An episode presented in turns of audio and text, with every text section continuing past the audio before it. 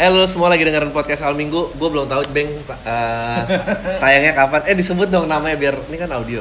Halo gue Abeng Alter Sedap Jadi eh, kalau orang-orang sekarang tahu lo eh, the the painter apa vokalis Soul Five? Gitu. Yang jelas ya Gue gak tahu sih mungkin masih ada yang Ada sih kemarin nih gue ke Ah, terus? ke cafe Ah. Satu coffee shop di Bintaro? Terus gue masuk gitu kan? Terus gak lama si, si monyet muterin lagu Terus kayak ngapain sih ini orang? Gue gue tahu nih pasti bercandain gue kan. Terus gue pesan Hmm. terus si kampret bilang lagunya enak mas. Gue, saya udah gak di situ mas. Ah serius? Bilang. berarti masih banyak yang nggak tahu. Oh. emang gue udah duga soalnya emang gak terkenal juga. Jadi kayak Eh, ya udah lah. Gue inget banget juga. pertama kali ngobrol sama Abeng, pertama kali kenal langsung eh, curhatannya tuh eksistensialis ya. aja Dari pas dia tiba-tiba lagi mau ngomong ca lagi mau cabut tuh ya waktu itu udah ya. cabut pak Oh udah cabut Udah malah. ya? cabut. Itu berapa tahun yang lalu ya, Beng? waktu itu gue 2014 kayaknya ya. 2014 anak baru lahir ya? anak lahir 2015 Oh 2015. Oh lagi hamil. Apa lagi gua- dalam proses perjuangan lah pokoknya. Oh iya, iya, iya. Terus kayak udah nanya gini, aduh gua kayak bingung gitu baru kenal udah open up sejauh ini, aduh gua nggak tahu juga ya. baru Gue- kenal udah bagi rokok mulu ya gua bilang, wah, eh, eh, gue nggak tahu sih, gue sih eh, pindah dari kantoran stand up sih single soalnya, jadi gue nggak berani ngejawab pertanyaan lo gitu. Terus gue bilang, gue ingat banget, gue bilang, tapi lo kalau emang eh, kayak udah di band yang kayak Soul Vibe aja masih belum terpenuhi, waduh, yang lo cari sulit sih. Iya, lu bilang kayak gitu tuh. Ya, ya, yang lo cari sulit sih. Iya, iya. Terus tiba-tiba ngelukis, Sebenarnya kayak emang gue itu waktu gue ca waktu gue caw dari sholat emang kayak gue pengen ya naif sih tapi gue emang pengen explore aja sih Dri. Hmm. emang gue tuh pengen explore potensi gue dan gue emang pengen punya statement yang lebih solid artinya loh album gue pertama itu kayak cuman statement pertama doang Hmm. tapi emang gue udah lama pengen explore lukisan dari dua, sebelumnya gue udah ngelukis dari 2012 hmm. tapi gagal mulu maksudnya gue nyoba nyoba belum dapat belum dapat belum dapat ya entah kenapa waktu itu gue gue ngerasa ya mungkin karena album gak terlalu jalan musik gue juga gak terlalu jalan kayak jadi gue punya ruang waktu lebih banyak untuk explore setelah gue nyelesain tesis gue Si, nah ini juga menarik nih karena pembicaranya ini ada Angga juga dalam pembicaraan ini ya. Dia salah satu orang yang encourage untuk ngelukis apa? enggak sih dia salah satu orang yang appreciate gue Oh. jadi kayak waktu gue ngepost salah satu lukisan gue yang akhirnya ada di sini di Visinema itu dia komen terus nggak lama gue nggak nyangka dia nelfon gue kayak oh this- itu adalah salah satu momen di mana gue ngerasa oh, I can do this man gitu kayak gue bisa ngelukis deh kayak si enggak tapi tapi ini lucu sih kayak emang nama tuh doa. Jadi alter itu a short from something apa yang memang lo orang yang akhirnya alternate dari dari dari Ah. vokalis band menjadi painter. enggak jadi kayak alter itu gue tuh dulu 2000 lupa ya pokoknya waktu gue masih di band gue sebelumnya gue tuh pengen pernah bikin proyek sendiri juga Hmm. tapi waktu itu cuma kesampaian gue bikin soundtrack buat film indie di Perth Hmm. tapi gue sendiri ya Hmm. pakai project itu tapi gue mau bikin band gitu lah itu namanya The Alter Oh, oh, the alter. The Alter nah waktu gue cabut gue gak kepikiran nama selain alter itu. Abeng, eh Alter akhirnya jadi Abeng Alter terus ada temen gue lu kenal Mono gak sih Iya, kan banget. Gak apa-apa kok tuh asik kok gitu Nah udah terus gue cerita lah ke nyokap bokap gue gue mau soal segala macam namanya Abeng Alter loh Abeng Alter kalau di chat AA dong Eh, nama rumah gue nama kecil gue tuh AA Ah, Tahu iya. nggak? jadi kayak jadi kayak somehow tuh ada konektivitasnya dan AA tuh jadi kayak punya deeper meaning kayak Ah. punya extension meaning gitu Ah. which is Abeng Alter nah Abeng Alter juga jadi kayak back to my roots gitu just AA itu gitu semacam gitulah si keputusan cabut kenapa sih? Berat ya? Ngeband berat ya? Ngeband berat banget men, apalagi ngeliat sekarang gitu kayak bisa berat sih. Satu berat ya cuman eh, kalau ngomongin duit sebenarnya iya tapi nggak itu doang ngerti nggak? Gue Oh. emang butuh space lebih buat kayak initiate sesuatu dengan idealis gue aja sih. Iya soalnya waktu itu ya em, nggak tahu ya gue ngelihatnya kebangkitan eh, musik-musik yang baru itu memang banyak banget karena panggungnya dikasih sama MTV Radio yang sekarang tracks gitu. Ya. Begitu digitalisasi, maksudnya abis itu kan keluar tuh label-label yang you know the, the Majas, Aksara dan apa maksudnya Indie. jadi terfasilitasi kan Ya. panggungnya ada, Ya. yang nge-broadcast ada, yang mau Ya. rilis album ada, udah langsung demandnya naik tapi begitu digitalisasi datang full blown ya udah bubar lagi tuh ya Iya. dan Soul Vibe kayaknya di ujung mau jadi kayak. Kalau lu- gitu ya, kayak eh, peralihan gitu ya. ma- lagi peralihan gitu kan Iya. Iya. masih nggak sih tapi Vibe yang saya masih Eh, masih sih setahu gue. Mereka sama major label sekarang. oh Salah satu major label. Setelah gue cabut, mungkin kayak gue atau jeda berapa lama mereka proses bikin materi baru, terus gue denger mereka eh, direkrut sama boleh sebut gak sih? boleh Sorry, sama Sony, Sony. oh Kalau nggak salah ya, Sony Indonesia. Ya, ya, ya, ya. Itu Pak. Kurang lebih. Nggak, da- oh, ceritain dikit dong background kuliah lo. Kayaknya background kuliah lo tuh mempengaruhi tema lukisan lo yang Iya. cukup metafisik juga ya. Iya. Sangat bisa ke situ kenapa sih? Anjing lo aneh banget sih gue tuh. Gue ingat banget waktu ngobrolin sama lo kayak, lu kuliah apa sih, Beng? Ah, ntar kalau gue sebut lo ketawain gue lagi. Ya, ya, serius, serius, serius, serius. Nggak, ya udah apaan sih gitu? Gue kuliah mysticism. Misti- mysticism tuh. mysticism? Ah, mysticism tuh Ini sarjana mysticism tuh ada, maksudnya ini apa sih? gue sebenarnya master of arts jatuhnya. Master of Arts, oke. iya. Mysticism tuh kayak ini sebenarnya. Devi, apa eh, terma lain dari spiritualitas lah. Ya, ya, ya. Tapi dalam konteks eh, bukan mistik yang mistik yang kita tahu, tapi itu pun sebenarnya satu it's one thing. Tapi kayak mistik kayak kejawen apa setan gitu-gitu kan. Iya, Orang iya, kan iya. orientasi pasti ke situ kan. Iya. Itu one thing ya, tapi sebenarnya beyond itu ya intinya adalah kayak mempelajari secara teori, secara epistemologi, secara metodologi dari pemikir-pemikir ataupun eh, ini di kalau dalam konteks muslim tuh sufism Hmm. jatuhnya. Jadi belajar belajar eh, apa namanya perspektif spiritual dari para sufi ataupun juga eh, orang-orang suci di agama lain ya kalau misalnya Kristen kan Santo Iya, iya, iya. ada Buddha Iya. segala macam tapi kalau dalam konteks gue walaupun gue dapat pelajaran itu tapi konteksnya lebih ke em, Sufism Oke. jadi kayak apa namanya when it comes to spi- spirituality itu kayak semuanya tuh nyambung sebenarnya Everything is a one unit gitu ya. iya sebenarnya tuh nyambung kalau dalam konteks esensinya Enggak itu eh, bisa tiba-tiba bisa tiba dari semua tapi, bidang. tapi tapi tapi tapi lu adalah orang kesekian yang pernah bilang sama gue yang bilang sama gue men hidup lu random banget Itu gue random banget kan. hidup lu gak ada polanya gitu ya Nggak ada. gak ada polanya kayak gak ada pola yang kayak lu tuh tiba-tiba bisa solo lu sudah bisa kuliah kayak gitu sudah bisa bisa ngelukis gitu kayak lu orang kesekian gitu pernah mau gue Enggak enggak kalau gue justru malah gue mengerti jelas kayak kenapa dari kuliah itu Hmm.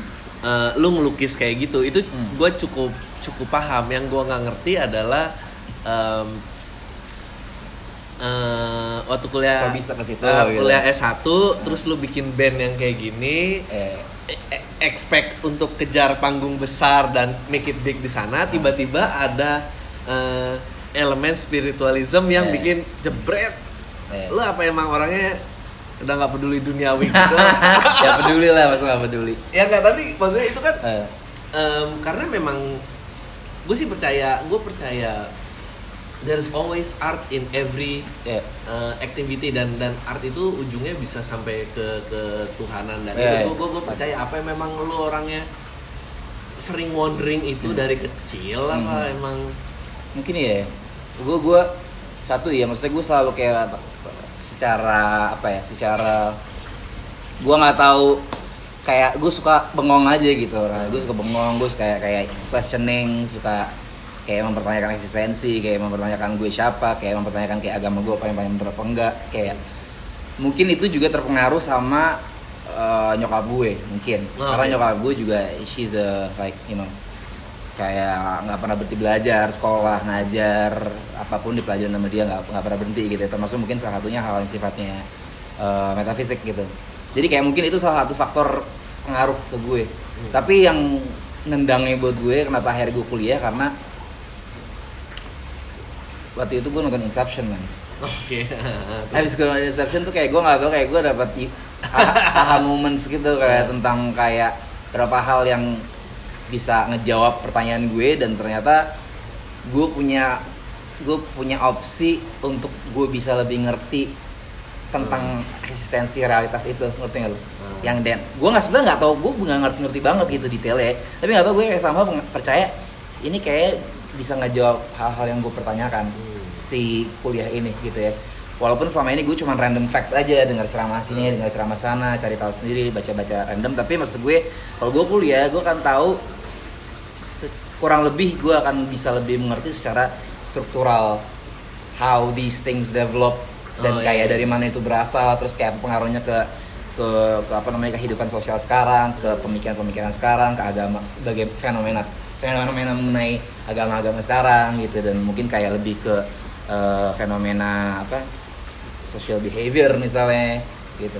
Tapi just uh, tapi itu justru dari pemikiran lo doang malah musik nggak ngebuka sampai situ ya? Apa memang lu punya karangan musik yang nggak lu publish tapi dalam banget. Sebenarnya ada di solo di solo juga sebenarnya ada tapi kayak Oh. eh, balutannya pop aja. Ya oh balutannya tapi maksudnya gue ada beberapa kali bikin lagu. Even masuk ini spoiler dikit single gue yang berikutnya nanti yang akan keluar juga maksudnya kurang lebih eh inspired boleh lo promo.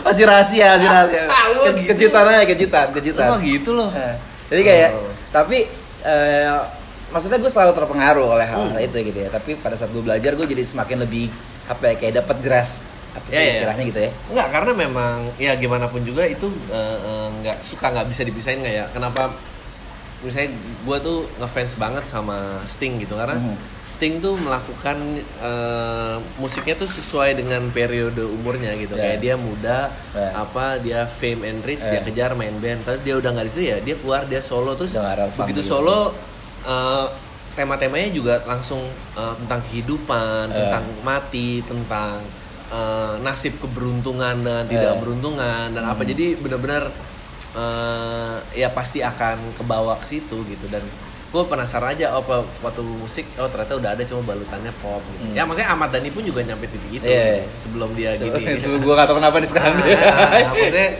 cerita maksudnya ya dewa, sekarang dewa dia? lagu yang judulnya satu itu menurut gue kayak oh anjing ini udah di ujung Iya. banget nih dia nggak Iya. bisa Iya. nggak bisa ini lagi Tapi salah satu maksudnya salah satu alasannya juga kenapa gue kuliah itu ya, gue tuh kayak pengen nyari alasan bukan alasan, gue pengen nyari kayak ya alasan lah ya alasan yang tepat eh, motif gue eh, berkarir sebagai seniman sih. Karena menurut gue penting untuk punya motif yang kuat. Kenapa lo harus berkarya atau kenapa lo harus eh, ya apa namanya punya karir di kreatif industry buat gue pribadi penting karena itu yang akan ngejaga gue karena kalau motif gue adalah hanya karena gue pengen punya uang atau gue pengen punya Rat? Iya. itu itu it, it wouldn't last menurut gue atau Ah. karena gue uh, pengen terkenal once itu gue nggak dapet gue akan rating kan apa gue kerja aja ya apa gue ngerti lo nah kan uh, si si si ethos ini yang menurut gue akhirnya Ethos, oke. ethos ya Hmm. Ethos ini yang akhirnya ngejaga gue untuk tetap uh, bisa mungkin berusaha untuk persisten coba Berkarya. coba di, di buat pendengar umum Legos etos patos apa? Ya nggak tahu gue. Ethos tuh kayak apa ya? Kayak Eh, ethos et- bekerja etika yang ya eh, prinsipal lah ya, gitu yang prinsipal, fundamental eh, gitu kan. Apa gitu waktu itu gue sempet eh, lihat emang apa artikel- patos lu tau? Nggak nggak jadi ceritanya ada guru gue lupa eh, sa- satu ada satu situasi yang beneficial kenapa why you should do it terus ada prinsipal yang guide you ada satu lagi apa gitu namanya gue lupa jadi Hmm. gue sempet ngeliat ada artikel orang dia ditanya sama eh, apa eh, gurunya gimana ke guru bahasa Inggris Ah. Gue naksir sama cewek ini ngedeketinnya gimana Ah, oke. gitu. Ah. Terus gurunya di di breakdown pakai logos etos patos gitu. Ah. Logos, etos, patos. Kalau nggak salah logos ya, kalau nggak salah coba ya. Hmm. Gue kan di sini tanpa sumber gitu ya. emang nggak mati tuh bos recordernya Enggak, nggak apa-apa ini ada, biarin aja. Jadi emang Ah, oke. charmnya adalah gini, tuh kan. Ya etos logos patos. Eh, etos means ethical uh, appeal atau ethics pat, Ya, uh, oke. patos tuh emosional uh, appeal itu emosional, ini convincing. Aspek lah, patos. Logos itu logical. Nah, oke Jadi, dia- etika dia- eh, etika, logika Eh, emosi etika, emosi, logika. Nah, Oh, dia iya. bilang eh, terus dia tanya, eh, lu maunya kelihatannya kayak apa nih? Gue pengen kelihatannya smooth aja, nggak terlalu dia eh, nggak terlalu confronting. Oke, Hmm. berarti etos lu adalah tidak ingin terlalu jelas, tapi lu pengen ngajak keluar. Nah itu, bener-bener. terus dia bilang lagi, eh, eh, abis itu dia serang pakai logos dulu. dia bilang logosnya Menikah kenapa ya? lu pengen ngajak dia keluar ya Ah, oke. nggak kemarin kita habis ujian banyak banget mungkin dia capek mungkin ini cara yang enak untuk keluar gitu benefit kan buat lo gitu Iya, iya. Gue tahu dia suka eh, lo apalagi yang lo tahu tentang dia gue tahu suka anjing ya udah bilang anjingnya Iya. kalau mau dibawa keluar bawa aja sekalian gue don't mind ketemu anjing lo Iya. nah Itu selalu logika ah, tuh ya, ah, logos ya. terus patosnya ya karena kita udah spend time ya eh, i- i- eh, ya gue senang sama lo sama itu jadi dia bilang eh Ya, gue oke. habis itu dibuka ka- kalimat ngajaknya eh sorry ya kalau kalau ini gue terlalu upfront gue nggak pengen ngeganggu lo tapi setelah gue pikir-pikir setelah kita ujian nih kan lo kayak capek dan ini dan Yeah. ini kita keluar mau nggak gitu lo ajak anjing lu juga nggak apa-apa lah it's time to down karena you know gue juga akhirnya ini ya udah suka sama lo terus mau jawabannya jadi kayak etos logo sepatunya dijelasin dengan ini Tapi bisa banget sih diterapin di bisa banget macam-macam Hmm. macam-macam Termasuk ngajak cewek keluar ya. iya termasuk ngajakin keluar Atas sepatu logos ini pelajaran buat gue. Bye. Enggak, tapi eh eh, lu se- sepi dong beng temennya. Kayak gitu. Enggak, gue penasaran sama orang-orang yang Sepi sih. udah nemuin ini in very early age gitu. Eh, Obrolan gua sama ada kalau misalnya itu Rukman Rosadi dia juga guru teater di Jogja gitu. Hmm. Sekarang eh, bulan depan dia akan ngajar di Salihara. Eh, eh, mulai Januari. Pembicaranya juga gitu udah tentang eh, penyerahan diri Iya. hidup jangan ini karena eh, terus kenapa gue stay di Jogja? Karena Jogja tuh humble me kayak tadi gue eh, kalau gue tempatnya lain gue ngerinya eh, bikin gue goyang gitu. Reason pertama gue ngelakuinnya jadi jadi hilang gitu. Iya.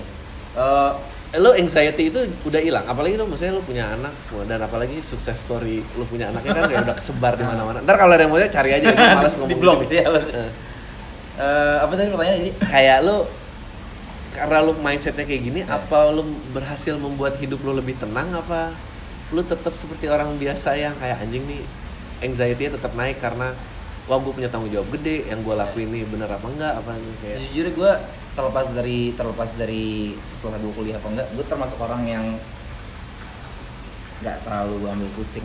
Gue nggak tahu. ya. Oh, kayak itu, itu pun itu, itu sebenarnya satu hal yang kalau gue ngelihat hal itu konteks itu untuk diri gue sendiri it's something yang yang yang baik buat gue. Hmm. Tapi karena since gue sebagai makhluk sosial, which is gue adalah suami, hmm. kadang-kadang istri gue suka mempertanyakan kayak kamu kok nggak ngeliat sih kayak kamu kok nggak mikirin terus kamu pertama apalagi waktu gue baru baru mulai karir ya which is kayak financially segala macem mulai-mulai karirnya dari musik juga 2014 ya. Dari gue mulai karir kan setelah gue keluar dari- band oh gue ini yang maksudnya setelah dari band ya iya, iya. gue consider gue mulai karir banget dari 2012 dari nol Hmm. gue nggak punya apa-apa ya literally Eh, apa pun gitu ya.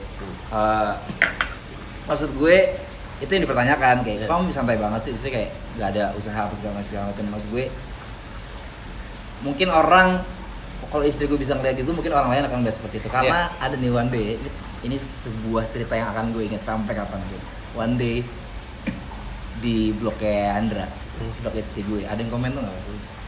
Kak Alo kok mau sih sama kak Abeng? Kerjaannya kan nggak jelas. Hmm. Itu gila men. Itu buat gue kayak oh lo lihat men? Gitu. karena karena gini sebenarnya orang kita tuh kayak kadang kadang tuh kita sering terlalu sibuk mikirin mikirin bagaimana menjelaskan apa yang kita mau dalam hidup ke orang. Nah oke. Kita terlalu ambil pusing gitu. Hmm. kita terlalu takut untuk dijudge. Hmm. gak sih lo tapi sebenarnya yang perlu kita yakin itu diri kita sendiri. Iya. ya kan? Kayak tanggung jawab lo satu-satunya adalah yakin diri lo sendiri bukan orang lain.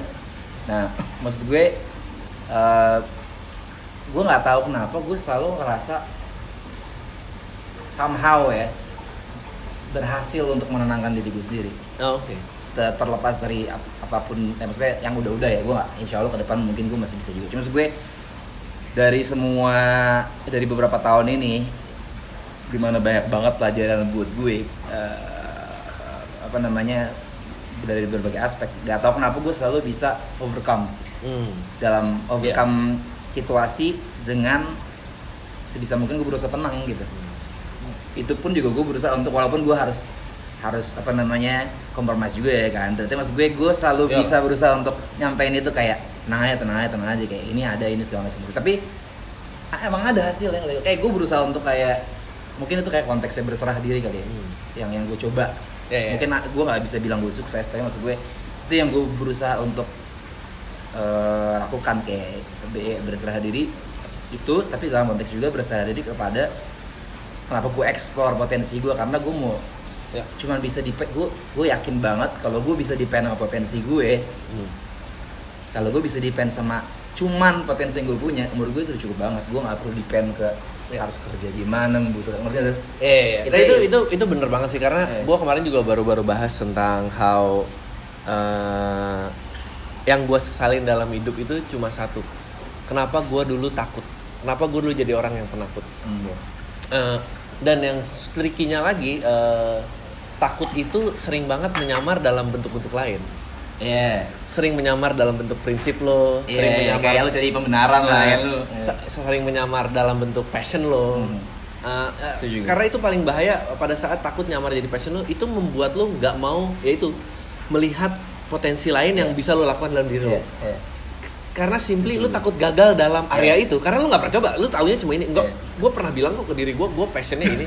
Gue Iya. kuliahnya ini kok. Iya. Dan lu pegang sesuatu yang lu decide umur 15-16 tahun Iya. yang mungkin Setuju. lu udah udah nggak nggak di situ gitu dan dan mengeksplor gue kayak eh kayak gue mungkin pada saat itu adalah eh, gue eh, passionnya bi- bilangnya advertising gue tidak pernah mau di depan kamera Oh, Eh, saat itu ya. saat itu ah, terus Sekarang- yang yang berkedok dalam prinsipal gue adalah gue takut akan komitmen Oh, Oke. eh enggak tapi waktu itu bilangnya enggak gue tuh maunya single ngerti gak lo gue tuh Iya. maunya single prinsip gue itu tapi ternyata ada ketakutan. gitu. sebetulnya karena fear dan dulu ngeblame-nya eh, ya lingkungan gue juga banyak yang nunjukin yang jelek atau Iya. apalah orang tua lah saudara lah Iya. gua gini tapi ternyata enggak guanya yang chicken shit gitu Nah, oh sama ini yang gua eh, gua nggak pernah mau berwirausaha Kayak- Waktu itu? waktu itu kayak nggak udah gini aja gue mau good Gua udah employee gua gue ini gue ini gue akan find a way nah ternyata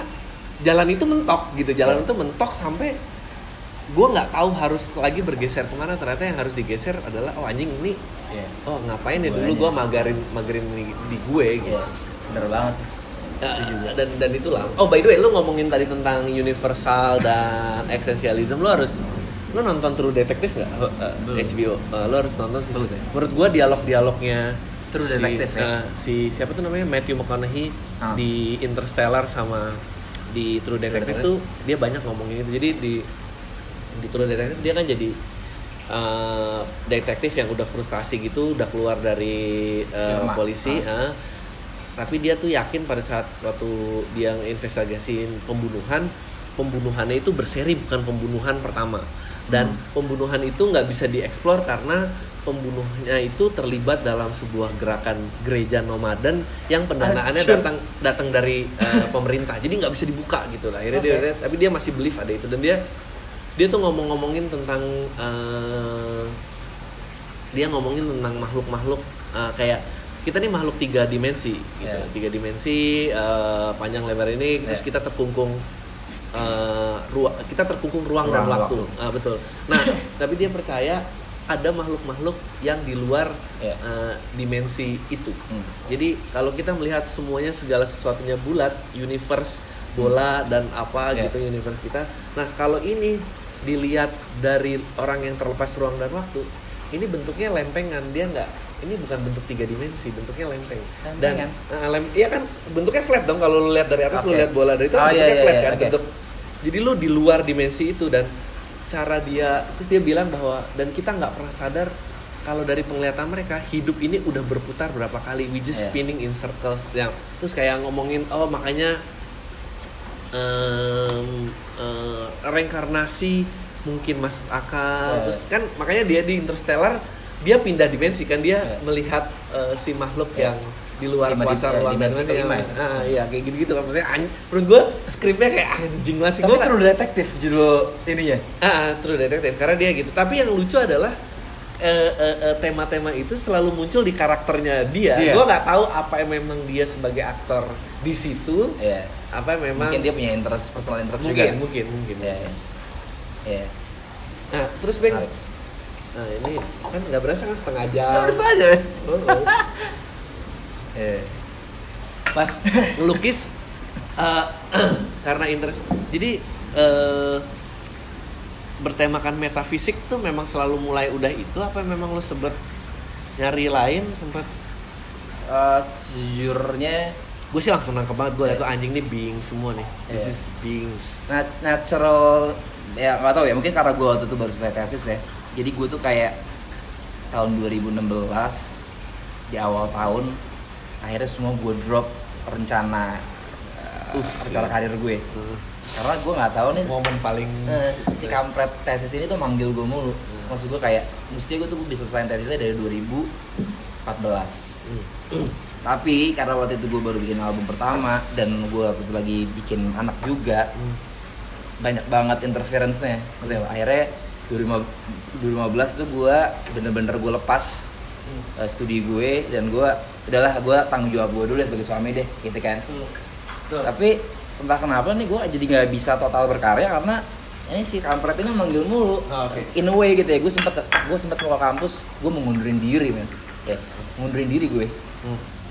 ngundurin diri terus ya pokoknya ada aja alasan di mana gue jadi ketarik mulu. Udah selesaiin selesaiin selesaiin Hmm. aja. Akhirnya ya udah karena gue gue yakin saat itu ini kalau gue nggak selesaiin tesis Hmm. gue nggak akan pernah bisa maksimal berkarya gitu. Hmm. akhirnya 2016 gue fokus nyelesain tesis gue.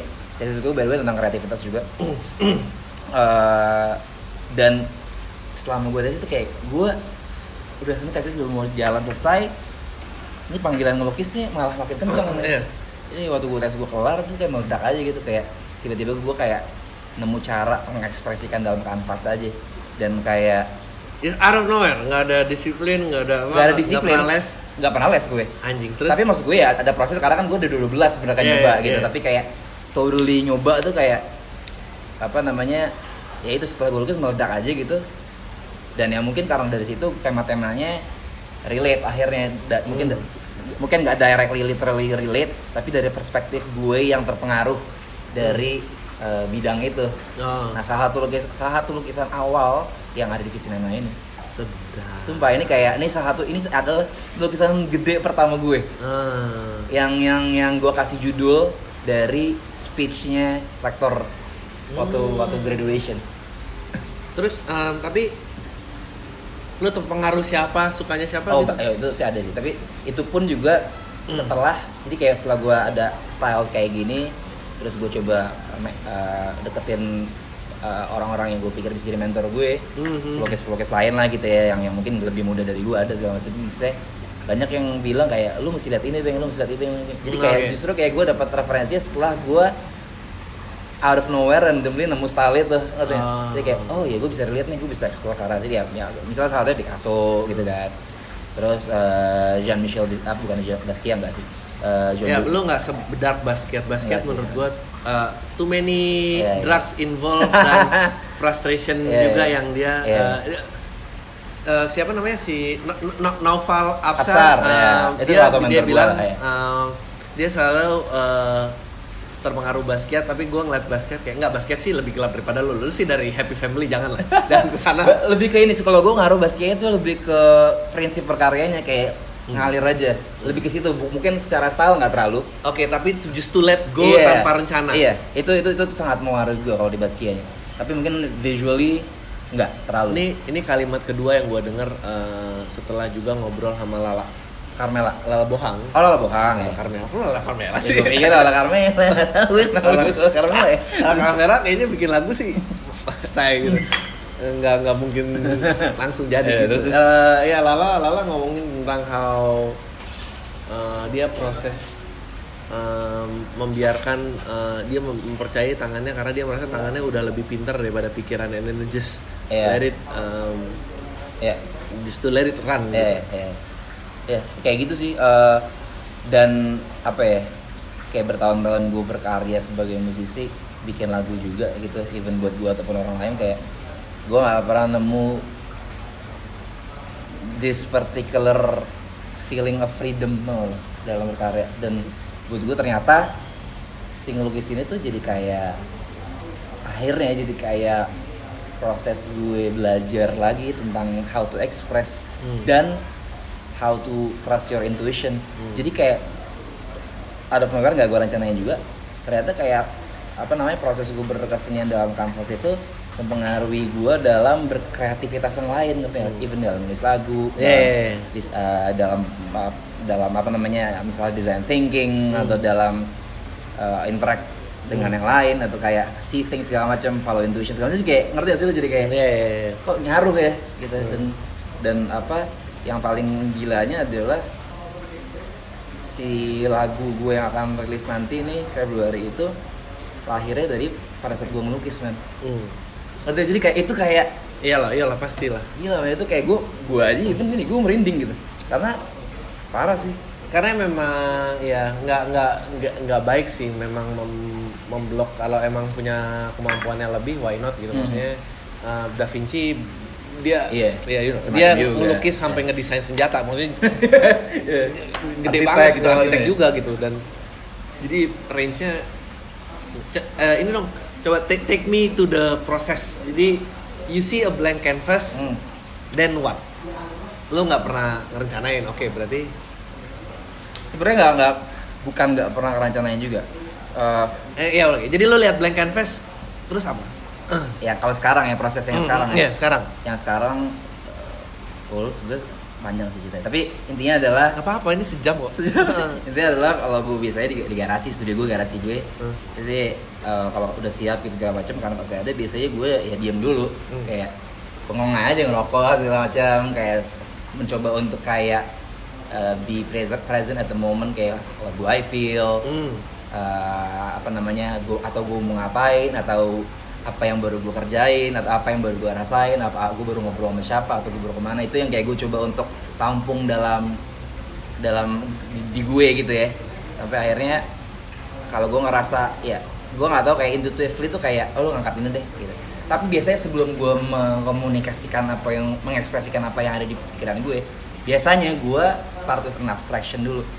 Itu apa tuh? Abstraction tuh kayak udah gue chat berantakan aja kayak Oke. kayak gue let the creative force keluar Ya. aja gitu kayak Ya. gue coret-coret segala macam gue nggak tahu bikin apa keluarannya warna ngaduk-ngaduk saya coret-coret pakai pilox pakai apa segala macam itu tuh kayak gue meng I allow the creative force Ya. yang gue tuh untuk keluar aja Untuk gitu. keluar aja, keluar ya. dulu tanpa perlu gue batasin filter, iya betul. tanpa filter Oke. kan tat. dan uh, satu sisi selain selain itu mengeluarkan gue menemukan eh gue jadi bisa it allow myself to learn random things within the process of making an abstract seperti? Ya technique wise oh teknik wise oke Technique oke wise. kayak oh ternyata bisa gini nih. Ah, Oh, Pilox ternyata bisa nih gini lah ya. gue bisa mix warna kayak gini nih. Kayak- nah itu kayak di abstraksi itu gue belajar banyak juga. Hmm. akhirnya setelah gue bikin abstrak baru gue bikin eh, apa namanya? Lo mulai baru lagi apa lo lanjutin? Lanjutin dong. Oh, lanjutin. Itu kayak layer pertama doang oh. Itu layer pertama doang. Terus layer pertama layer berikutnya biasanya gue di, di teknik gue, gue yang baru ya yang nanti Desember gue akan pameran gue bikin fast lines. Fast lines itu kayak Oke. garis. Eh, ini Desember tanggal berapa? Di mana? Nanti gue undang deh pokoknya. Enggak ini kalau diumumin juga boleh loh. Gue lupa. Oh. oh. 8 Desember 8 Desember. Oke gue ya bisa deh. Eh gue ada trio exhibition di Ruci siapa aja? Gue Glenda Sutardi Hah? eh, artis eh, seniman Australia sama Mark siapa dari Hong Kong? Di mana nih Ruci Art. Space Senopati. Oh Senopati. Ru Ruci Art ya? Oke terus terus? Ya, jadi setelah gue abstrak, gue bikin fast lines. Fast lines tuh kayak itu gue, aduh panjang sih. Yeah. It- Itu adalah sebuah, sebenarnya itu ada sebuah self therapy buat gue untuk salah satunya adalah untuk kayak eh, lebih ke nggak mikir juga lagi-lagi. Kayak berusaha untuk follow the line, kayak rasanya anaknya ke mana segala macem. Setelah itu jadi, gue isi fast lines pakai warna. oh oke. Iya iya. Gue kasih rongga-rongganya itu, Heeh. gue isi pakai blocking warna. Ya ya setelah itu jadi blocking, blocking ya ya kan? Setelah itu jadi komposisi itu jadi. I consider itu sebagai sebuah replika miniatur versi gue di kanvas dari makrokosmos. Oke. Dari alam ini. Iya iya iya dari alam ini. Nah setelah alamnya jadi baru si mikrokosmosnya bisa masuk kan karena kalau nggak ada alam si Iya, iya. manusianya tinggal di mana ibaratnya gitu Iya, kan iya, nah baru iya. jadi setelah si makrokosmos jadi baru gue bisa develop karakter gue baru gue bisa develop cerita Ah. baru gue bisa develop figur-figur figur-figur Nah, oke yang merangkum yang yang sebagai mikrokosmos merangkum apa yang ada di belakangnya. Jadi makanya kalau lu lihat figur-figur Ya, gua kan ya, ya. ada rang- rangkuman dari layer-layer di belakangnya yang ngerti Ya, ya, ya, Which ya. itu adalah makrokosmos. Oh. Itu adalah representasi gue sebagai makrokosmos. Eh, berarti kayak dari first layer bisa dia bertahan sampai hasil akhir tuh kadang dikit ya nggak nggak dominan ya? Nggak- Oh, bahkan nggak tapi ini ya. mungkin Oh, akan ada sisanya. mungkin ada sisanya oke. Tapi wow. sebenarnya itu sendiri kan adalah prosesnya juga. Jadi kayak gue selalu gue pernah bertanya kayak gue ngapain ya bikin abstrak ini? Kalau nanti ditutup juga. Iya, iya, iya, iya. tapi setelah gue bertanya sama gue nggak bisa di shortcut enggak men. Proses itu juga udah bagian bagian dari karya. Hmm. ya kan? Hmm. kalau prosesnya nggak lu kerjain karyanya juga beda lagi hasilnya. Tapi kayak apa yang nggak lu lihat apa yang nggak lu indra atau apa yang orang nggak bisa indra bukan berarti bukan bagian dari karya. Anjing. Anjing. Ya nggak Iya, sih? iya, ngerti. karena what makes you now Iya. adalah yang udah lewat ya Betul, sih? nah itu pun juga tercermin dalam kayak lay abstrak si abstrak abstrak itu ya itu juga punya peran penting dalam apa yang akan dinikmati oleh si siapa pun yang menikmatinya termasuk gue. Wa- waktu pertama kali mulai udah langsung multi layer gini apa memang satu layer Oh, kalau Jadi- waktu gue mulai tuh langsung multi, multi layer. wow Gue nggak tahu kenapa tuh ya waktu itu ya. oh oke Kayak that's interesting gue waktu gue awal-awal nyoba juga gue selalu kayak gue nggak pernah ter, ter apa terbatas baku dalam sebuah bentuk. iya Gue iya, selalu iya. kayak ada gue layer gue isi apa segala set set set set, set. Iya. sampai akhirnya ya benar-benar jadi abstrak banget. Terus Iya. baru gue layerin lagi. Iya, iya, iya. Ya, Gitu. gue gua berapa kali ngobrol tentang how dulu ada teman gue orangnya efisien gitu dia kalau ngide eh, da- daripada A4 daripada A4 kosong dia udah bikin frame-frame kecil terus dinasehatin sama bos gue you know even the frame kotak itu karena buat dia biar A4 bisa banyak idenya Iya. nah, buat dia gitu terus dibilang sama bos gue lu tahu kan bahwa frame itu aja udah limit within itself jadi Iya. eh, eh, lu ngapain udah bentuk itu di awal sebelum bahkan lu Iya, nuangin apa-apa gitu Setuju gue. Setuju gue. itu sih Itu kayak tuh. dan dan dan maksudnya gue gue ini satu satu quote yang gue pegang banget dalam dalam proses gue berkarya ya kayak ada film lu tau nggak namanya filmnya Finding Forrester Oh, nggak itu kayak drama yang mainnya Sean Connery ketemu sama anak muda hit apa eh, ras hitam. Ternyata si anak muda ras hitam ini juga juga nulis. Si Sean Hmm. Connery juga nulis juga pintar nulis lah.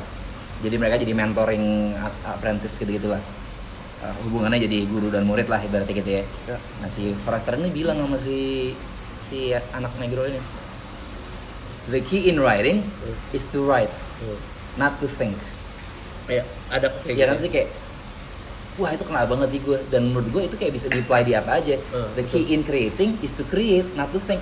Think penting tapi di, di, di momen yang lain ngerti Iya, nggak lo? iya. Tapi pada saat lo harus berkreasi, lo bikin aja. Ya. Lo nggak harus terlalu berpikir Hmm. karena once lo berpikir lo udah membatasi diri lo.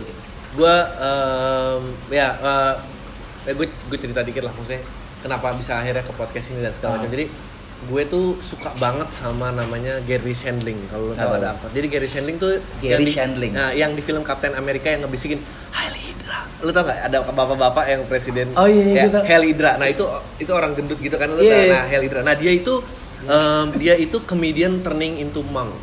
Dia jadi biksu Hmm. akhirnya karena em, Tapi udah acting lagi. Uh, udah meninggal akhirnya Oh, udah meninggal, meninggal. Eh, karena hidup dia eh, eh, parah jadi dia hidup tuh Glamor, kayaknya dia punya kakak Hmm. either down syndrome atau apa membuatnya dia itu eh, takut berkomitmen karena dia merasa ya kalau gua punya anak gua hanya meneruskan gen ini gua nggak tahu kayaknya dia resikonya gede deh Iya. yeah. itu sampai ternyata pasangannya sama porn star sama apa just because ya udah nggak ngapain gua planning ada keluarga kayak gitu. Dan Iya. sampai akhirnya dia eh, d- dia sering banget ngomongin tentang relationship. Dia komedian tahun 80-an gitu dia. Hmm. eh, dan akhirnya joke-nya itu menjadi kenyataan juga. Dia selalu fail mengkeep relationship-nya dia. Karena Karena dia percaya gitu. karena dia percaya begitu karena Iya. dia dalam keparnoan itu jadi dalam dalam dalam berkomedi yang sukses dalam relationship-nya Iya. dia gagal nah akhirnya dia ketemulah eh, bermeditasi dan apa maksudnya eh, ya gue juga akhir-akhir ini eh, mungkin udah lama juga sih tiga tiga empat tahun belakangan lah Jadi meditasi itu Iya. memang udah bagian dari dari rutin gue juga Iya. gitu karena kalau nggak otak gue terlalu scatter Ya. nah dia pada saat dia belajar di eh, monasteri gitu Hmm. Dia dinasihatin jadi banyak banget nasihat yang sangat paradoks. Dia bilang eh Nasihat yang sangat paradoks. Eh, dari dia. hidup. Eh, eh, dia terima nasihat Oh. dari dari monasterinya sangat paradoks dengan kehidupan yang dia tahu. Kan kalau lu pasti dibilangin ya hidup tuh harus mikir hidup tuh harus mikir. Habis itu dia di sana kayak gini. Dibilang bahwa ya hidup ngapain mikir? Sekarang ditanya apa yang nggak jelek datang nggak dari pikiran? Semua yang jelek tuh datang dari pikiran. Iya. so why think? Terus dia bilang so hidup tuh uh, paling baik untuk dijalankan kayak lu uh, dia karena dia penggemar tinju dia bilang kayak lu tinju dan sih lu ikutin ritmenya aja gitu pada saat ada pukulan ya lu ngelak Hmm. pada saat ada kesempatan mukul lu mukul lu nggak boleh nggak mukul Ya. itu kesempatan harus lu ambil jadi tapi lu nggak bisa planning bahwa lu 12 Semuanya ronde A sampai Z gue mau gitu. ngapain Iya. apa kapan dia mukul apa gini Iya. gini gini bisa ada orang-orang yang bisa push Iya. dan jadi itu tapi eh, psikotik banget nggak nggak nggak nggak ini akhirnya ya dia mas dan dia ngomongin kayak gitu dan eh, itu itu berpengaruh banyak banget di ya, ya gue berstand up jadi Ya. tadinya yang gua nggak punya kemampuan untuk public speaking tapi punya pikiran yang unik Aha. eh, nyoba stand up berapa kali eh, sukses feedbacknya bagus Ya. and then lu mulai pengen mencari feedbacknya kan karena lu nggak mau gagal gitu itu gue Hmm. gue jadi sangat tekstual banget jadi gue tulis jadi 90% kata tuh gue gua gua cari Iya. Gue cari dan gue nggak pernah keluar dari skrip Diformulasiin dulu Iya. ya. tapi pada saat pengalamannya tambah things really goes in as your plan gitu Eh. jadi harus lo bongkar jadi gue selalu iri sama orang-orang kenapa orang punya sense of uh, im- impulse atau improve itu yang jago di Ngalir gitu ya. ngalir gitu Hmm. aja nah habis itu gue mulailah podcast ini karena podcast ini mem- Melatih, mengizinkan ya. gue untuk ya udah satu topik aja nggak dijudge lucu nggak lucu Eh.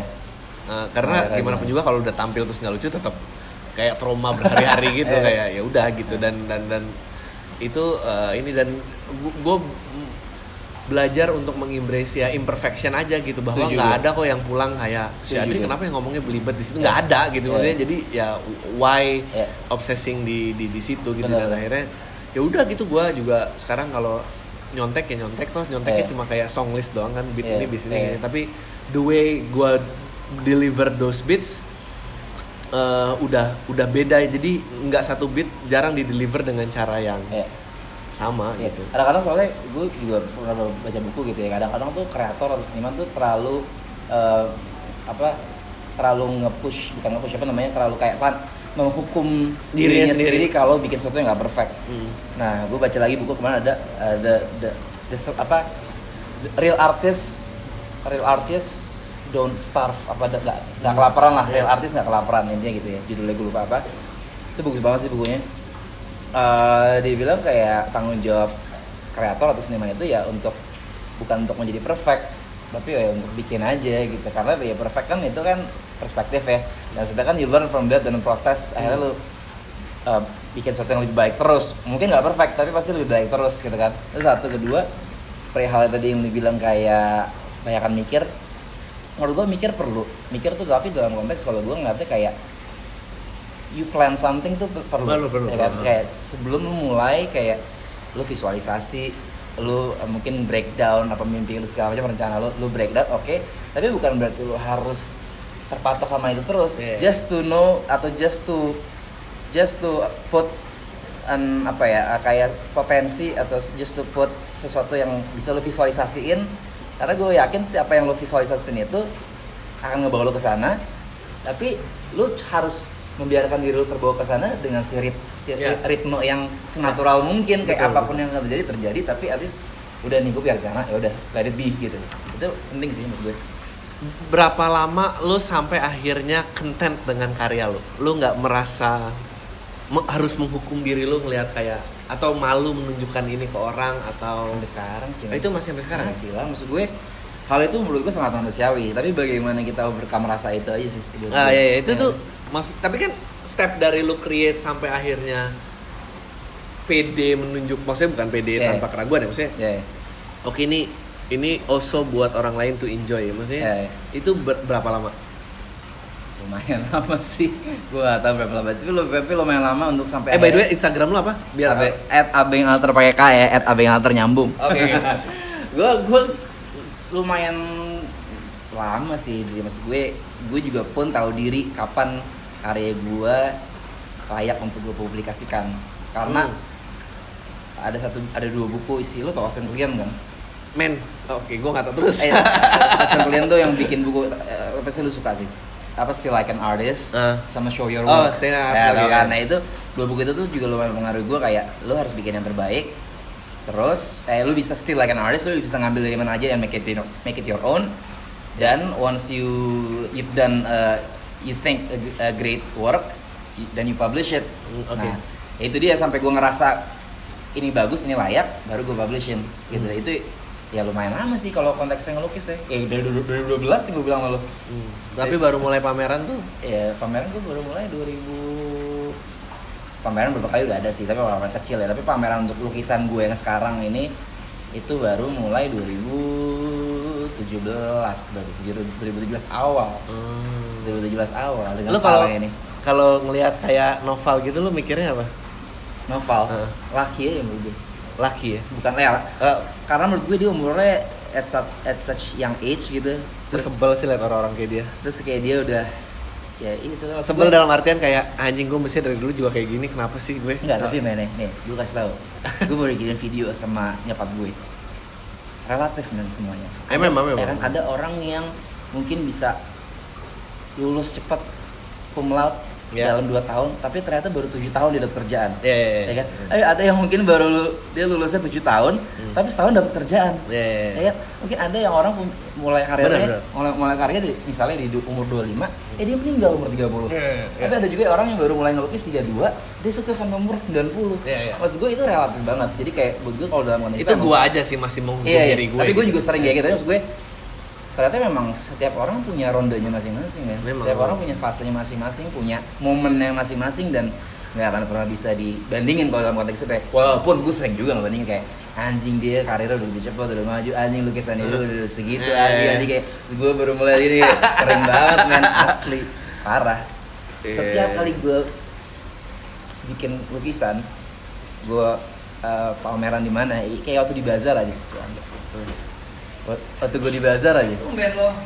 Gue lagi Diundang. nginterview dia untuk jadi konten audio. waktu gue diundang di bazar Nah, itu gue main kayak eh, lu lu jelek banget gitu kayak anjing gitu semua yang lain kok pada keren-keren banget sih lukisan. Tapi Oh. kayak lihat. Taruh di mana? Belum lihat gue belum lihat. Terus istri gue gitu ya udahlah. Maksudnya kayak you've, you've, did your, you've done your best ya udah. Maksudnya kayak eh juga sih udah. Gue tadi pengen ngomong apa tuh lihat dia masuk gue jadi lupa. Eh, gue pengen nanya ini sih kayak lu ngeliat nyokap lu punya bird view akan lo gitu ya sebagai Hmm. orang gitu. Lu itu dan lu ngelukis kayak gini tuh lu sebagai parents bakal jadi kayak apa gitu? Maksudnya hmm. apa lu juga oh ya udah. Misalnya let's say anak lu fail dalam kuliah terus lu oke lu apakah masih punya wisdom yang lu omongin? Gue gak akan nyuruh anak gue kuliah sih kalau dia belum tahu mau ngambil apa oh oke oke, oh. gue gue sempet kayak berpikir kayak kayak dia kayak anak gue nggak perlu ambil kuliah dulu deh kalau dia belum sure banget dia mau Hmm. mau ngapain dan mau, mau pelajarin apa nggak necessarily harus lulus SMA masuk kuliah lagi sebenarnya Iya, Ya, memang, ya memang. kan lo bisa ngambil setahun dua tahun yang- untuk Off. kayak off atau lo mau les apa atau lo mau even mau kerja dulu sebenarnya kan itu kan itu sebenarnya bebas banget cuman karena uh, social paradigm aja ya gitu di mana harus semua harus lo kuliah sebenarnya enggak juga tapi kalau dalam ya konteks kuliah gitu. tapi maksud gue ya theoretically yang gue bayangin sih gue akan gue akan coba kasih tahu sebisa gue ke ke anak-anak gue. gue interview buat tamu. Terus? Ke anak-anak gue tentang kayak apa namanya gimana menjalani hidup. Mesti mungkin gue kan share pengalaman gue. Ya dan setelah dia tahu dan mungkin dia ngerti ya dia bisa pilih jalan dia sendiri sih. Mungkin ya? Sekarang Mungkin. yang eh, ini sih terakhir aja sih. Haha. Nextnya eh, apakah lukisan terus? Apa eh, nggak tahu ya nggak bisa dijawab ya. Yang jelas sih gue gak akan berhenti bikin musik juga sih. Karena emang gue gak pernah berhenti juga sih. Iya, nggak pernah berhenti, gue iya. gue selalu bukan ya beberapa kali gue masih nulis buat teman Eh, beberapa kali ya memang gue juga kadang-kadang gue nggak terlalu laku juga. Tapi maksud gue ternyata si gue pikir tadi gue mau ngelepas musik dengan melukis tapi ternyata si melukis malah ngajak gue bikin lagu lagi. Hmm. ya lucu aja gitu. Dan eh, tapi mungkin gue tetap akan for now gitu gue akan bilang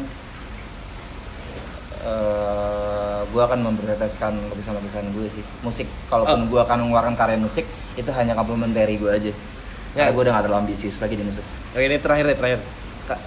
Gua gue punya fear ini. Gue kalau sekarang kalau ditanya the greatest fear itu apa? Aha.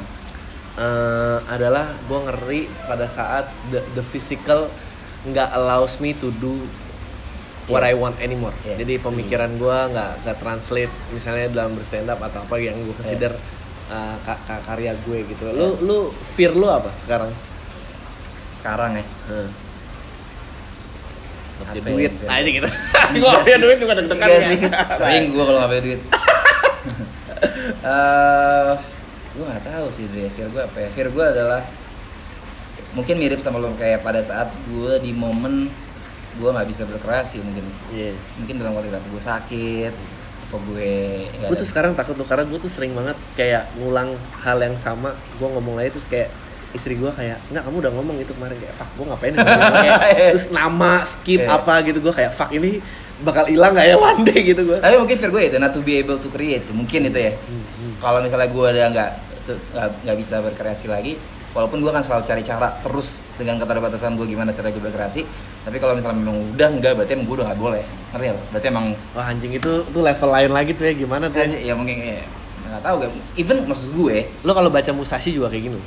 kayak nggak dia dia soalnya dia ceritanya kompleks dia dari anak yang dibuang dari orang tuanya karena disangka dia uh, turunan setan terus Ah. dia grow up sendiri jadi pahlawan perang ngebantai banyak orang Aha. ngebantai banyak orang terus dia otodidak menjadi ahli bela diri ngebantai banyak perguruan jadi buron jadi Ah. buron yang buku yang tebel itu ya Musashi ya? Eh, jadi buron jadi biksu jadi guru Oke, kalau jalannya random gitu. Uh, dan dan dan uh, uh, uh, ya itu bahwa banyak banget ilmu kayak bahkan di bela dirinya dia pun banyak dia nggak punya style dan apa tapi um, the intention dalam menebas tuh lu nggak boleh second guess Anjing. That's itu yang membuat tebasan lu tuh hidup meskipun ini ilmunya Yeah. untuk bunuh ya tapi uh, uh, yang membuat sepersekian detik speed orang itu kalah karena they second guess Yeah. dan di situ dia menang karena dia sempat pincang sempat apa dan ini dan dan Eh, um, obsesinya uh, dia ngelawanin si rivalnya itu karena rivalnya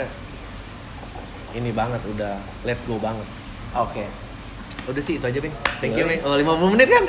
Thank you eh uh, acaranya tanggal berapa? Tanggal Uh, exhibition gue 8 Desember 2012 Ah, di di- Ruci Art Space. Ah, terbuka kap- untuk 8 Desember tuh udah terbuka untuk publik. oke uh, uh, single keluarnya Insya Allah tahun depan gue pengen bikin EP, tapi rilis single pertama gue mudah-mudahan lancar Februari. Oke. Lagu itu sudah selesai. oke thank you bang Sama-sama, kabarin kalau udah di post sama-sama.